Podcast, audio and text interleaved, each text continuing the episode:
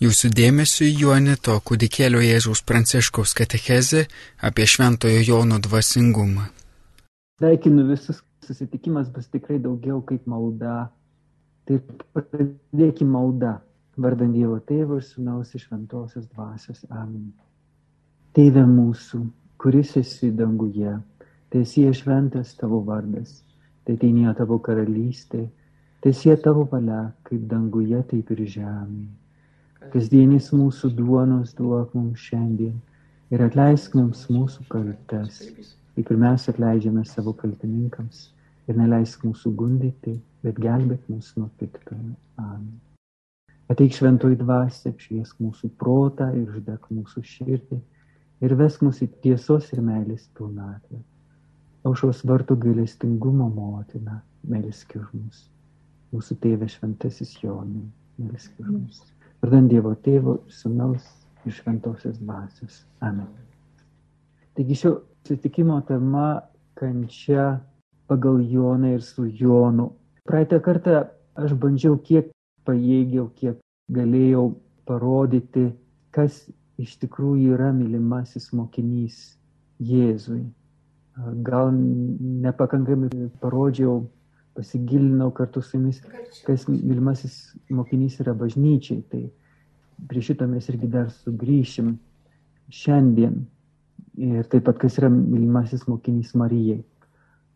Šitie, šitie trys aspektai šiandieną tikiuosi mums labiau atsiskleis ir, ir padės mums patiems trokšti trokšti iš tos malonės būti mylimuoju Jėzaus mokiniu, ne šiaip vienu iš dvylikos apaštalų, vadovaujančių gal Petro charizmą, apaštalaujančių kitų charizmą, bet būtent Jono kontemplatyvaus apaštalo, to, kuris žvelgia į gelmes.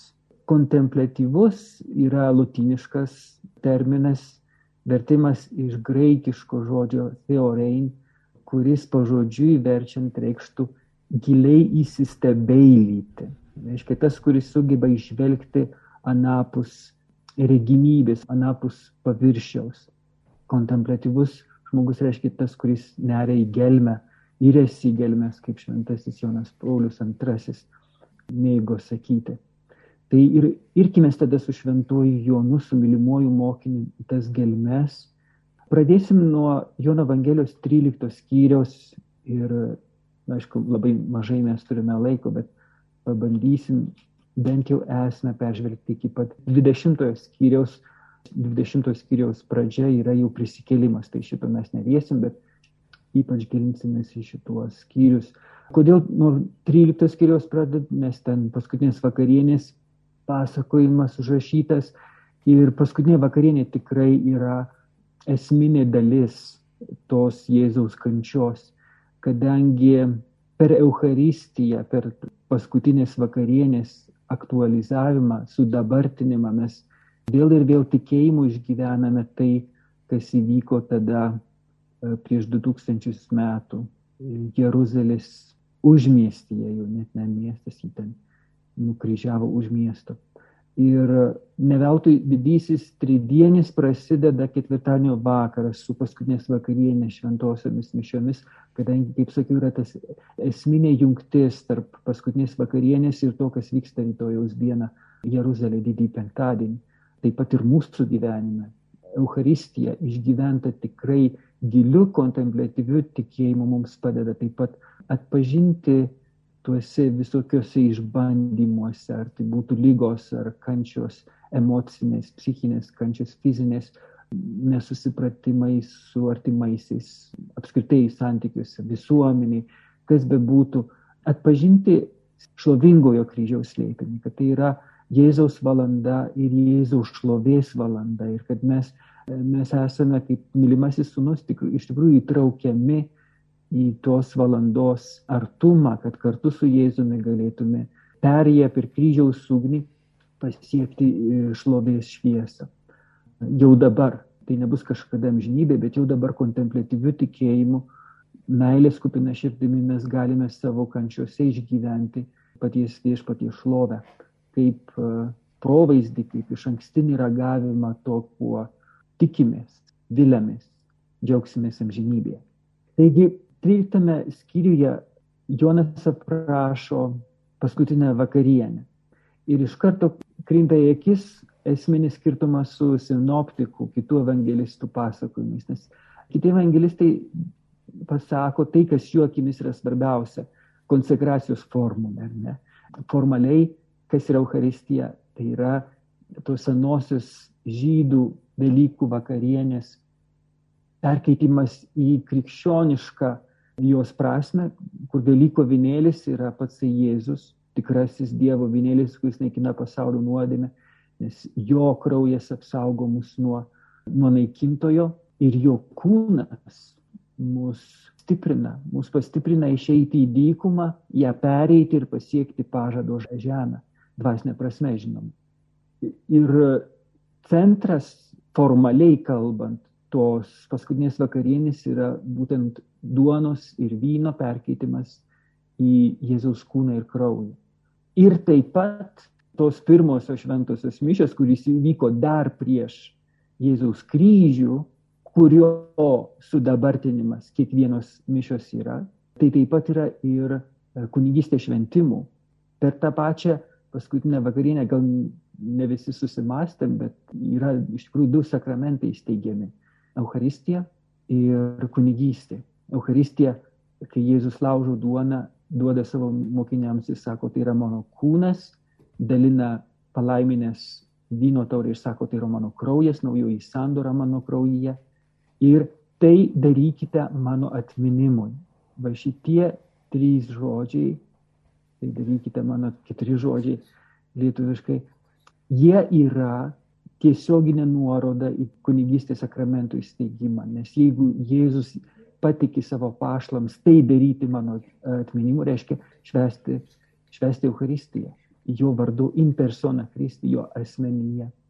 Ir, kaip sakiau, tai yra formalus šitų dviejų sakramentų įsteigimas, šitais keliais žodžiais nusakytas kitų sinoptikų. Jonas šitų žodžių visiškai nekartoja, šito epizodo visiškai nepasakoja, bet jisai pasakoja tai, ko nei vienas iš kitų evangelistų nepaminė. Būtent, kad e, per tą paskutinę vakarienę Jėzus nuplovė savo mokiniams kojas. Ką tai reiškia? Paprastai iš karto komentuojama, kad tai Jėzus padarė didžiulį nuolankumo kupiną darbą, nes plauti svečiams kosti buvo vergo darbas iš tikrųjų. Tiek žydų kultūroje, tiek romėnų kultūroje. Romėnai, kaip žinom, buvo okupavę šventąją žemę Jėzaus laikais. Tačiau jeigu mes pažvelgsime giliau, ką reiškia pats veiksmas, vėl ne tiek formalų aspektą, kad tai yra vergo darbas, bet tikslo šviesoje pažiūrėsim. Matysim, kad šventajame rašte žydų mentalitete nuplauti svečiui kojas reiškia jį priimti kaip svečią, priimti į savo palapinę, į savo artumą, į savo intimumą.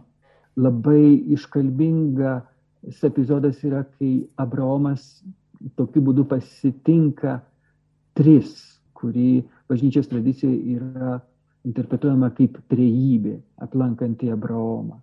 Ir jis pirmiausiai prieš pasiūlydamas jiems vakarienę pasiūlo nusiplauti kojas. Ne pats Abromas plauna jiems kojas, Abromo vergas jiems nu, nuplauna kojas. Bet tai reiškia, kad Abromas kviečia į savo insuą lotiniškai, į savo artumą, į savo, į savo gyvenimą, į savo intimumą. Pakviečia ir įsileidžia tuos tris e, pasiuntinius, pačią trejybę. Ir nors Abromas nenuplovė jiems kojų, su Jėzumi matome, kad pats Dievas mazgoja kojas savo mokiniams. Tokiu būdu išreikšdamas, kad jis juos priima į, į savo intimų įgyvenimą, į savo dieviško gyvenimo gelmes. Ir būtent ten irgi toliau vyksta vakarienė. Galime vėl paralelę tokią matyti su prieškimu šventajam Jonui apokalipse, kur e, Jėzus sako, štai aš stoviu prie durų ir beldžiu ir kas išgirs, įsileis mane, aš pas jį ateisiu ir vakariniausiu su juo, o jis su manimi. Taip ir per šitą paskutinę vakarienę, per kiekvienas mišes, per kiekvieną Euharistiją įvyksta tas pat. Jėzus beldžiasi mūsų širdį ir nuo mūsų priklauso, mes jį įsileidžiame. Bet jeigu mes jį įsileidžiame, iš tikrųjų ne mes jį įsileidžiame, bet jis mus įsileidžia į savo širdį, į savo dieviškojo gyvenimo gelmes ir ten, ten mus maitina, ten mums patiekia vakarienę.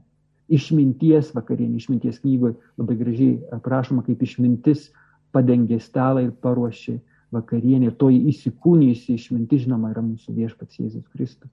Šitoje šviesoje, tarp kitko, labai įdomu e, būtų paskaityti visą Evangeliją pagal Joną, kur jis ir tada pamatysim, kad iš tikrųjų Jonas aiškiai įvardyja, kad Jėzus yra toji išmintis aprašyta išminties knygoje, įsikūnijusi išmintis atėjusi į mūsų, į mūsų tarpą.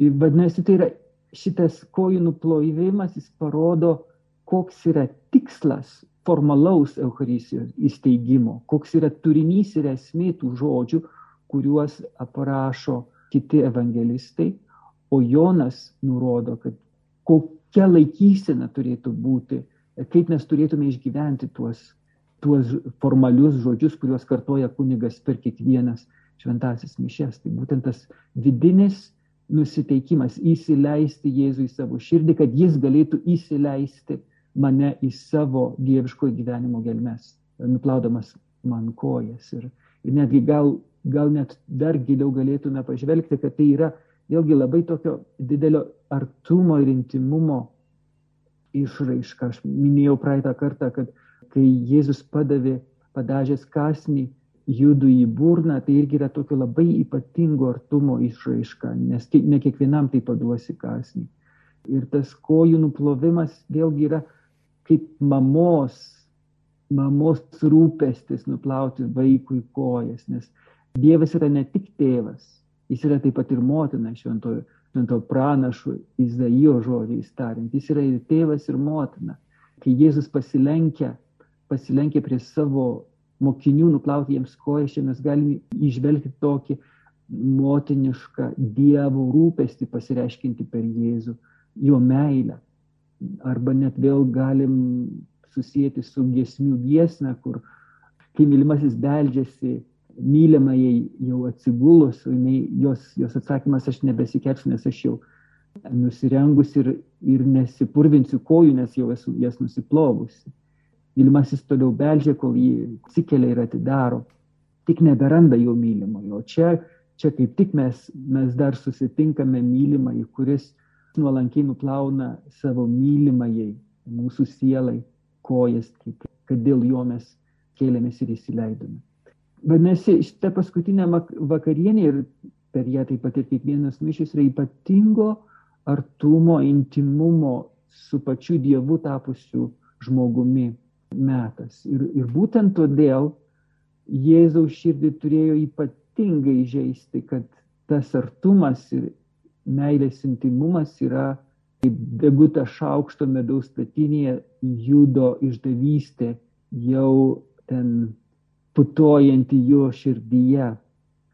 Viena iš tokių svarbių būtų apmąstymų, tai tas susitikimas tarp judo ir Jėzaus, jų akių susitikimas, jeigu judas išdryso pažvelgti Jėzų akis tada, kai Jėzus plovė ir jam kojas. Judas turėjo suprasti, ką tai reiškia, e, be jokios abejonės.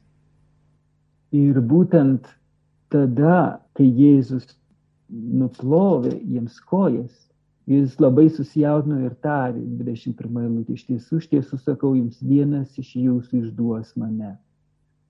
Ir mokinėjami žvalgytis į kitą spėliodami, kurį jis turi omenyje. Vienas mokinys, kurį Jėzus mylėjo, buvo prisiglaudęs prie Jėzaus krūtinės. Tas prisiglaudimas prie Jėzaus krūtinės tai labiau suprantamas, kai suprantame visą kultūrinę socialinę situaciją. Tais laikais žmonės nesėdėjo prie stalo ant kėdžių, bet gulėjo prie stalo. Ir tada tas vienas mokinys, Jonas žinoma, buvo atsirėmęs, prisiglaudęs prie Jėzaus krūtinės.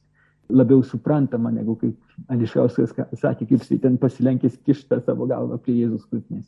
Bet vis tiek net jeigu, net jeigu ir šitaip suprantame, kokiu būdu Jėzus ten buvo prisiglaudęs prie Jėzus krūtinės, tai vis tiek yra labai didelio artumo ženklas, didelio intimumo, familiarumo, į kurį mylimasis mokinys buvo įsileistas, tarp kitko, kitų mokinių akivaizdoje.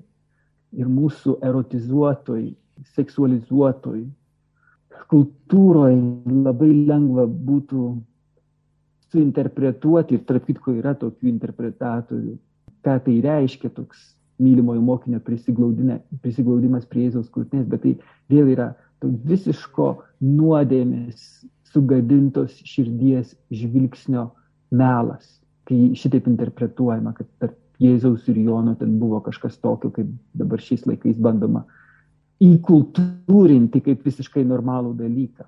Neužmirškim, kad Jonas buvo Jėzaus mylimas dėl jo tyro širdies. Ir kad pats Jėzus be jokios abejonės, būdamas Dievas tapęs žmogumi, irgi buvo tokios tyros širdies, kad mes net įsivaizduoti negalime. Ir, ir tai, ką mūsų sutepto širdys ir akis gali ten žiūrėti, tai yra, tai yra toks melas. Ir kad mes galime iš tikrųjų atpažinti artumą, meilės artumą, tik tai to, tos tyros širdies, dviejų tyrų širdžių šviesoje. Ir Simonas Petras, kuris, kaip žinom, yra vyriausias iš apaštalų, jis neklausė Jėzus pats, kuris išduos, nes puikiai supranta, kad Jėzus jam nesakys, nes visi ten susirinkę žino, koks ūmus yra Petro charakteris. Mes tą matėm toj, toj pačioj kojų plovimo scenoj, kai, kai Jėzus prieina prie Petro, nuplauti jam kojas ir, ir Petras sako, viešpatie, nejau tu mazgosi man kojas tu nemazgosi man kojų per amžius.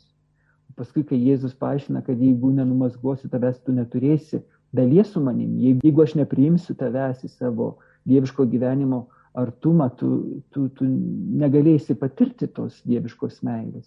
Ir tada vėl matom Petro charakterį, o tada viešpanė ne tik, ne tik kojas, bet ir rankas ir galvą, visą mane nuplauka, aš noriu būti visas su tavimi, matom, koks tas Petro užsidegimas.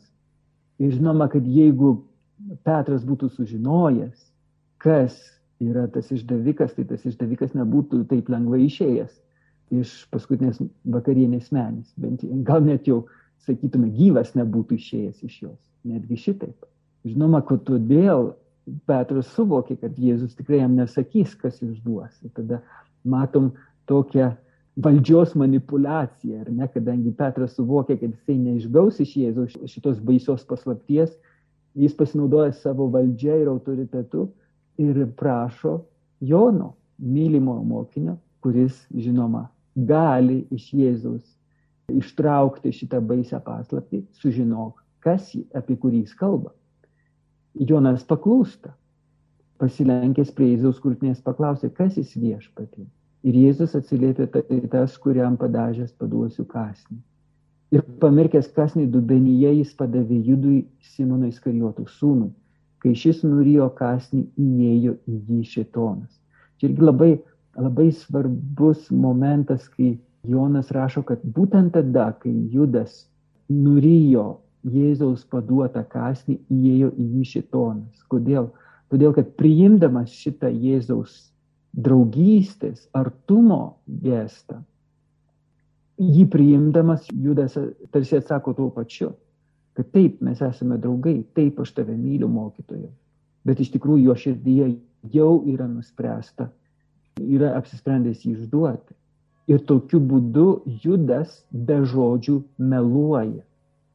Ir kai mes meluojam, mes iš karto patenkame į melagio ir melo tėvo įtako zoną, jeigu taip galima būtų sakyti. Ir būtent todėl į jį įeina šitonas, į jį įeina melo dvasia. Judas galutinai atsiskiria nuo viešpaties per šitą bežodį kūno kalbos melą. Ir Jėzus jam sako, kad darai darai greičiau.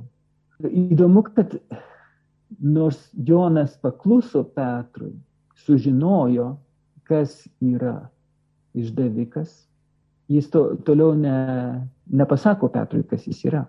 Ir čia mes būtent matome tą draugystės esmę, tai kad draugų širdyje yra tas pats troškimas, įdam velė, dalinimasis paslaptimis, mano draugo širdies paslaptis yra mano paslaptis.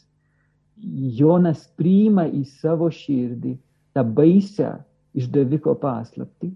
Jo širdis nuo šiol dabar jau yra kaip paties Jėzaus širdis, kurioje yra šita baisi paslaptis ir taip pat jo intencija.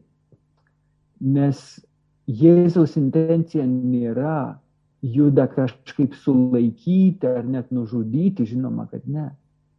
Jonas, mylimasis mokinys, persijima tą pačią mokytojo intenciją. Jis irgi leidžia įvykti tam siaubingam blogiui, išdavystai, mokytojo, mylimo mokytojo išdavystai. Čia matom irgi, kaip nepaprastai Jonas užaugo dvasinę prasme per tuos kelis metus, būdamas Jėzaus mylimuoju mokiniu, nes Jonas ir Jokūbas, Zebedėjaus sūnus, aš laikau, kad pagal visą didžiąją liturginę bažnyčios tradiciją, kad Jono Evangelijos autorius yra evangelistas Jonas, Zebedėjaus sūnus, tai šituos du Jėzus vadino Boanergės, griausmo vaikais. Prisiminkim, kaip Jonas norėjo sudeginti samariečių kaimą už tai, kad jie nepriemi mokytojo, kai jie keliavo į Jeruzalę.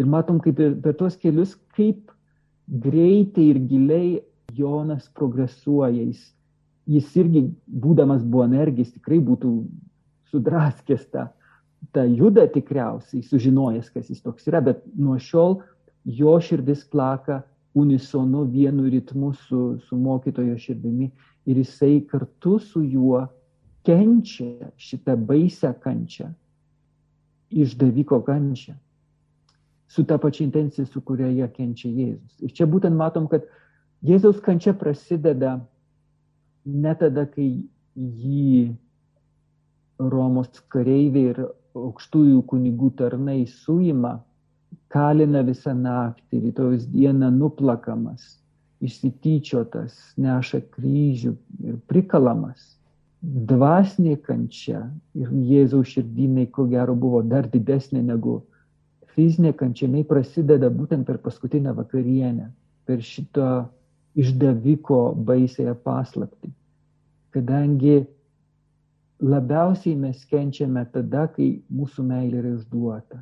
Ir kuo karštesnė ir gilesnė mūsų meilė, tuo labiau kenčiame, jau žmogiškai žiūrint.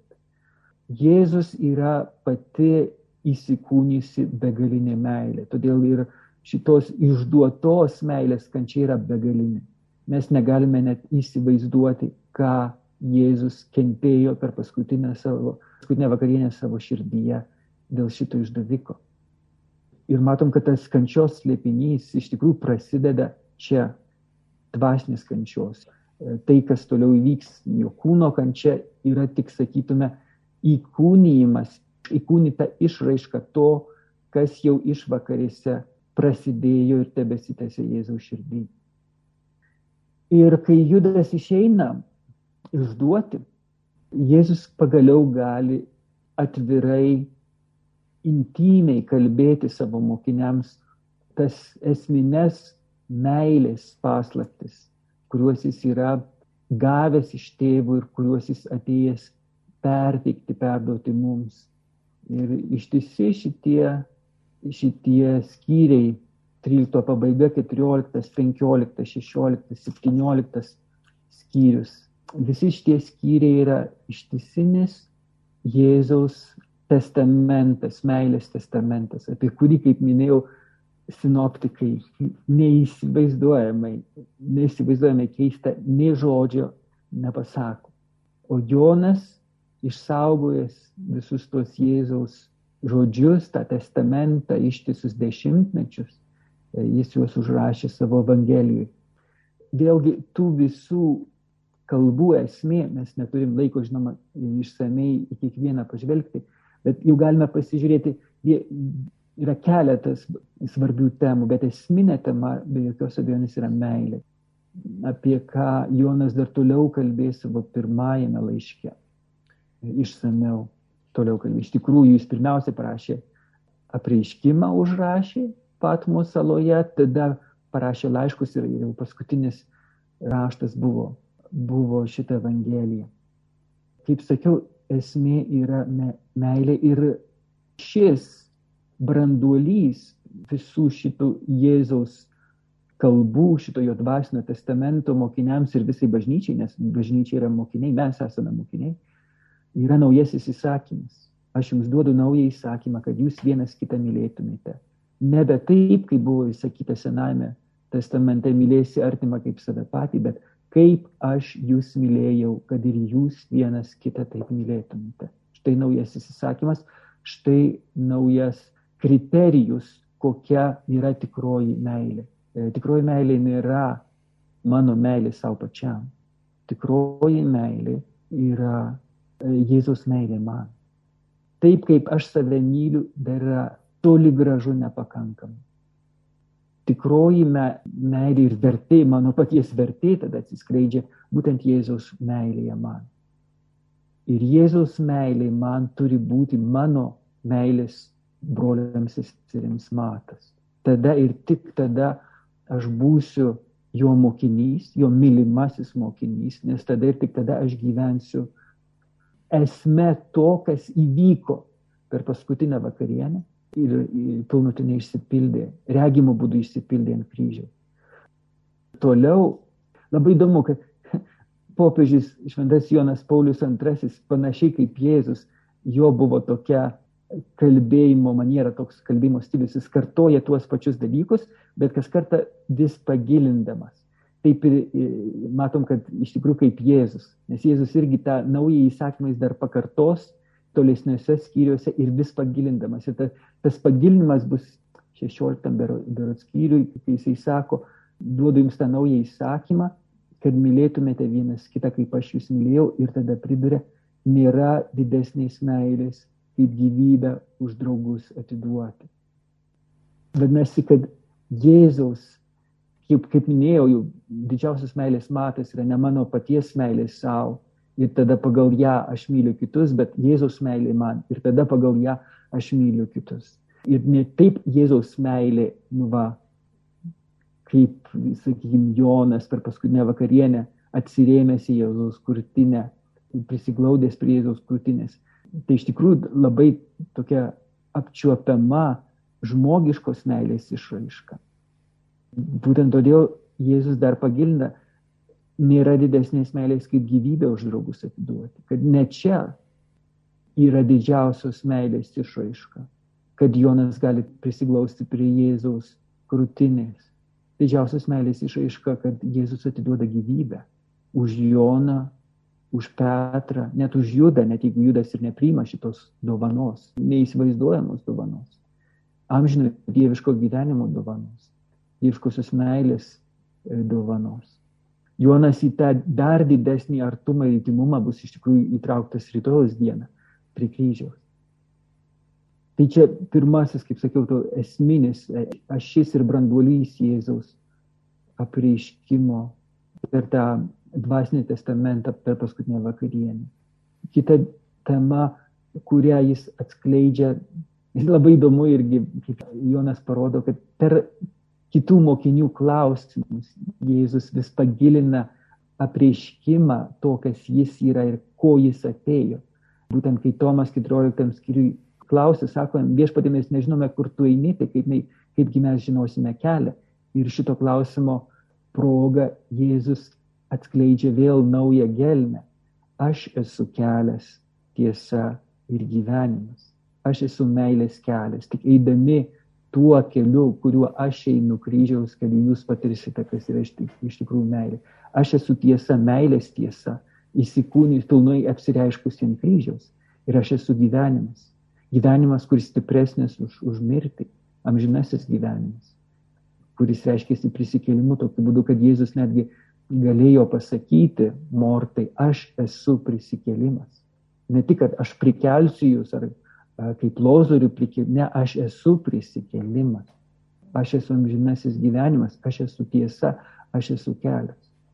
Tai čia antra tokia didžiulė, gili, gili tema, kurią Jėzus apreiškė per paskutinę vakarienę, per šitą dvasinį testamentą ir kurį išsaugojo Jonas mums savo Evangelijoje.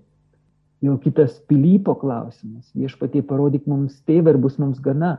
Ir Jėzaus atsakymas. vėl gilus apreiškimas. Pilypai, jau tiek laiko su jumis ir tu vis manęs dar nepažįsti.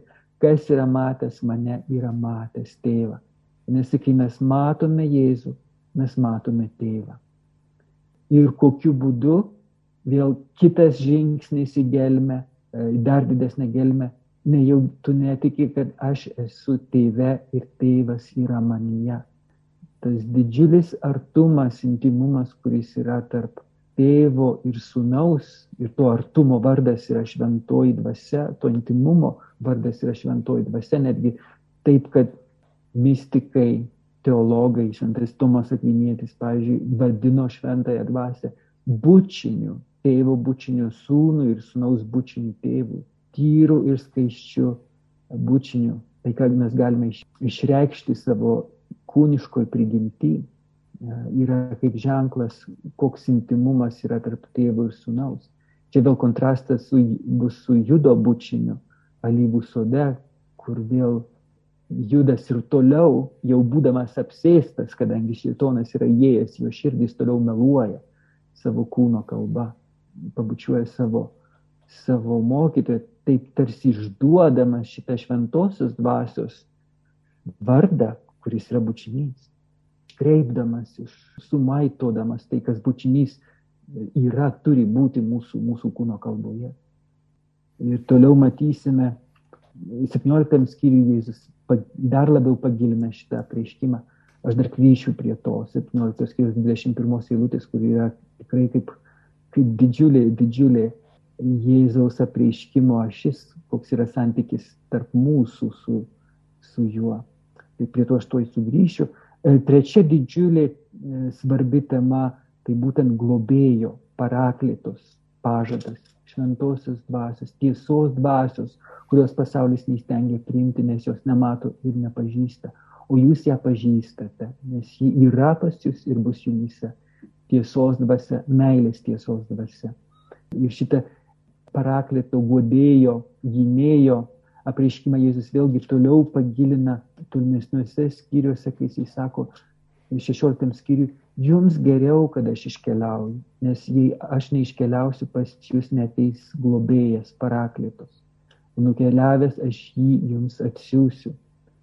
Kodėl yra geriau? Todėl, kad per paraklitą, per šventąją dvasę Jėzus nuo šiol galės ne tik būti su mumis kaip vienas iš mūsų, kaip žmogus, ar ne kartu dalintis tą avinėlio paschą, vakarienę, e, dalintis savo širdies paslaptimis, su nors baisiomis paslaptimis, ar ne išdaviko paslaptis, su, su mylimuoju mokiniu. Ne, nuo šiol jis pats gyvens. Ir ne, ne, ne jis vienas, bet ir tėvas. Mes pas jį ateisime ir apsigyvensime. Aš ir tėvas. Šventosios dvasios galia ateisime ir apsigyvensime tavo širdį mes būsim su tavim nuolat e, iki pasaulio, iki laikų pabaigos, tiek, kiek tu leisi mums būti tavyje.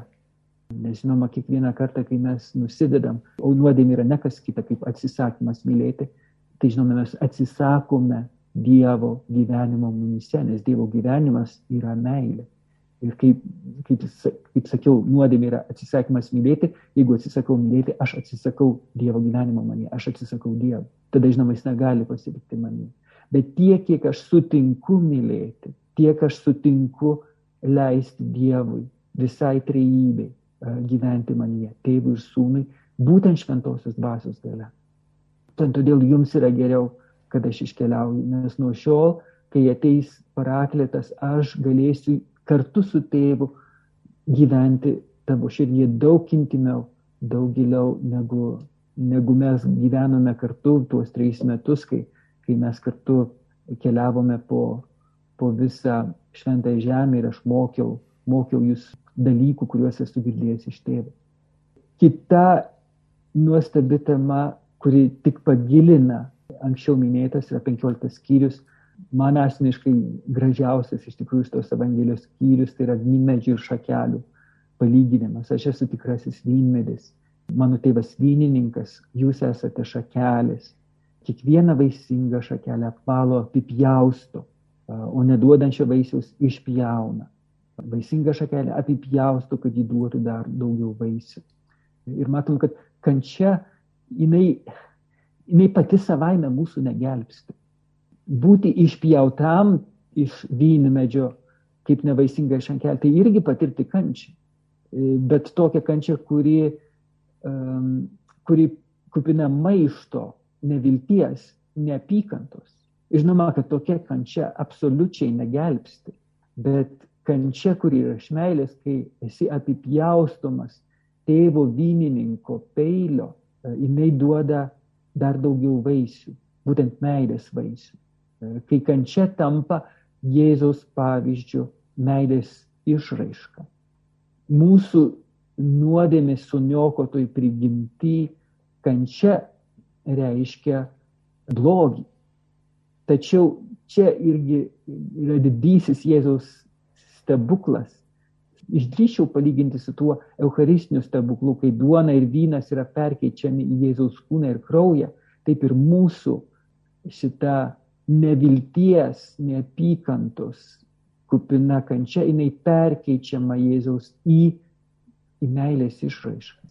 Jis nepašalina kančios, bet suteikia jai naują prasme, kad mes nepabėgdami nuo kančios, nes neįmanoma nuo jos pabėgti, bet užuot būdami jos visiškai sugriauti, suniokonti, sužaloti, sunaikinti, mes kaip tik per, per tą kančią galėtume e, būti išgryninti, iš, mūsų meilė galėtų būti išgilinta ir tokiu būdu mes galėtume dar giliau įeiti į tą artumą, į kurį Dievas kviečia šituo kojų nuplovimo gestu, kad galėtų nešti, nešti vaisių. Ir koks yra tas vaisius, kurio tėvas laukia, tai yra meilė.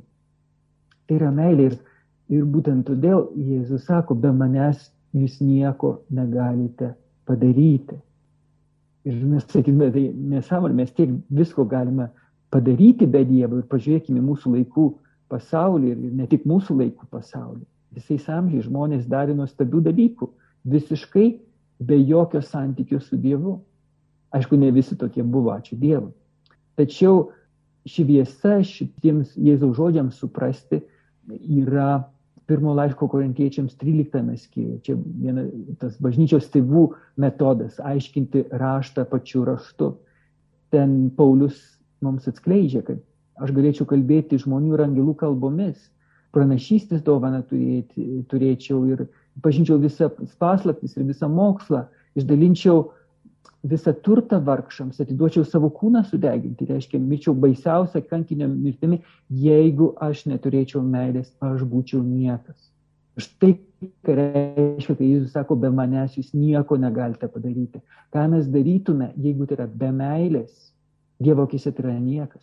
Tai yra niekas tiek dvasiniai, tiek emociniai, tiek menas, technika, ką, ką mes bedarytume, jeigu tai yra be meilės, kuri yra Jėzus, be manęs jūs nieko negalite padaryti, Dievo akise tai yra niekas. Bet su Jėzumi, Jėzuje, per Jėzų, net menkiausias dalykėlis, kaip šventoji kūdikėlio Jėzus teresėlė, nepakelia siūlo galą iš meilės. Ir šitas siūlo pakelimas iš meilės. Jis turi amžiną vertę. Dievo akise šitas meilės veiksmas yra daug nepalyginti didesnis, nes jis yra amžinas, negu, nu nežinau, kokį čia paimsim pavyzdį, kokio dangoraižio pastatymus. SpaceX raketos paleidimas į Marsą. Tai yra niekas Dievo akise, jeigu tai nėra iš meilės. O toks visiškai niekieno nepastebėtas veiksmas jis yra, jis yra kupinas meilės, nes jis padarytas su Jėzumi ir Jėzuje, kaip jo vynmedžio šakelis, kuri neša tėvo laukiamo vaisiaus, meilės vaisiaus.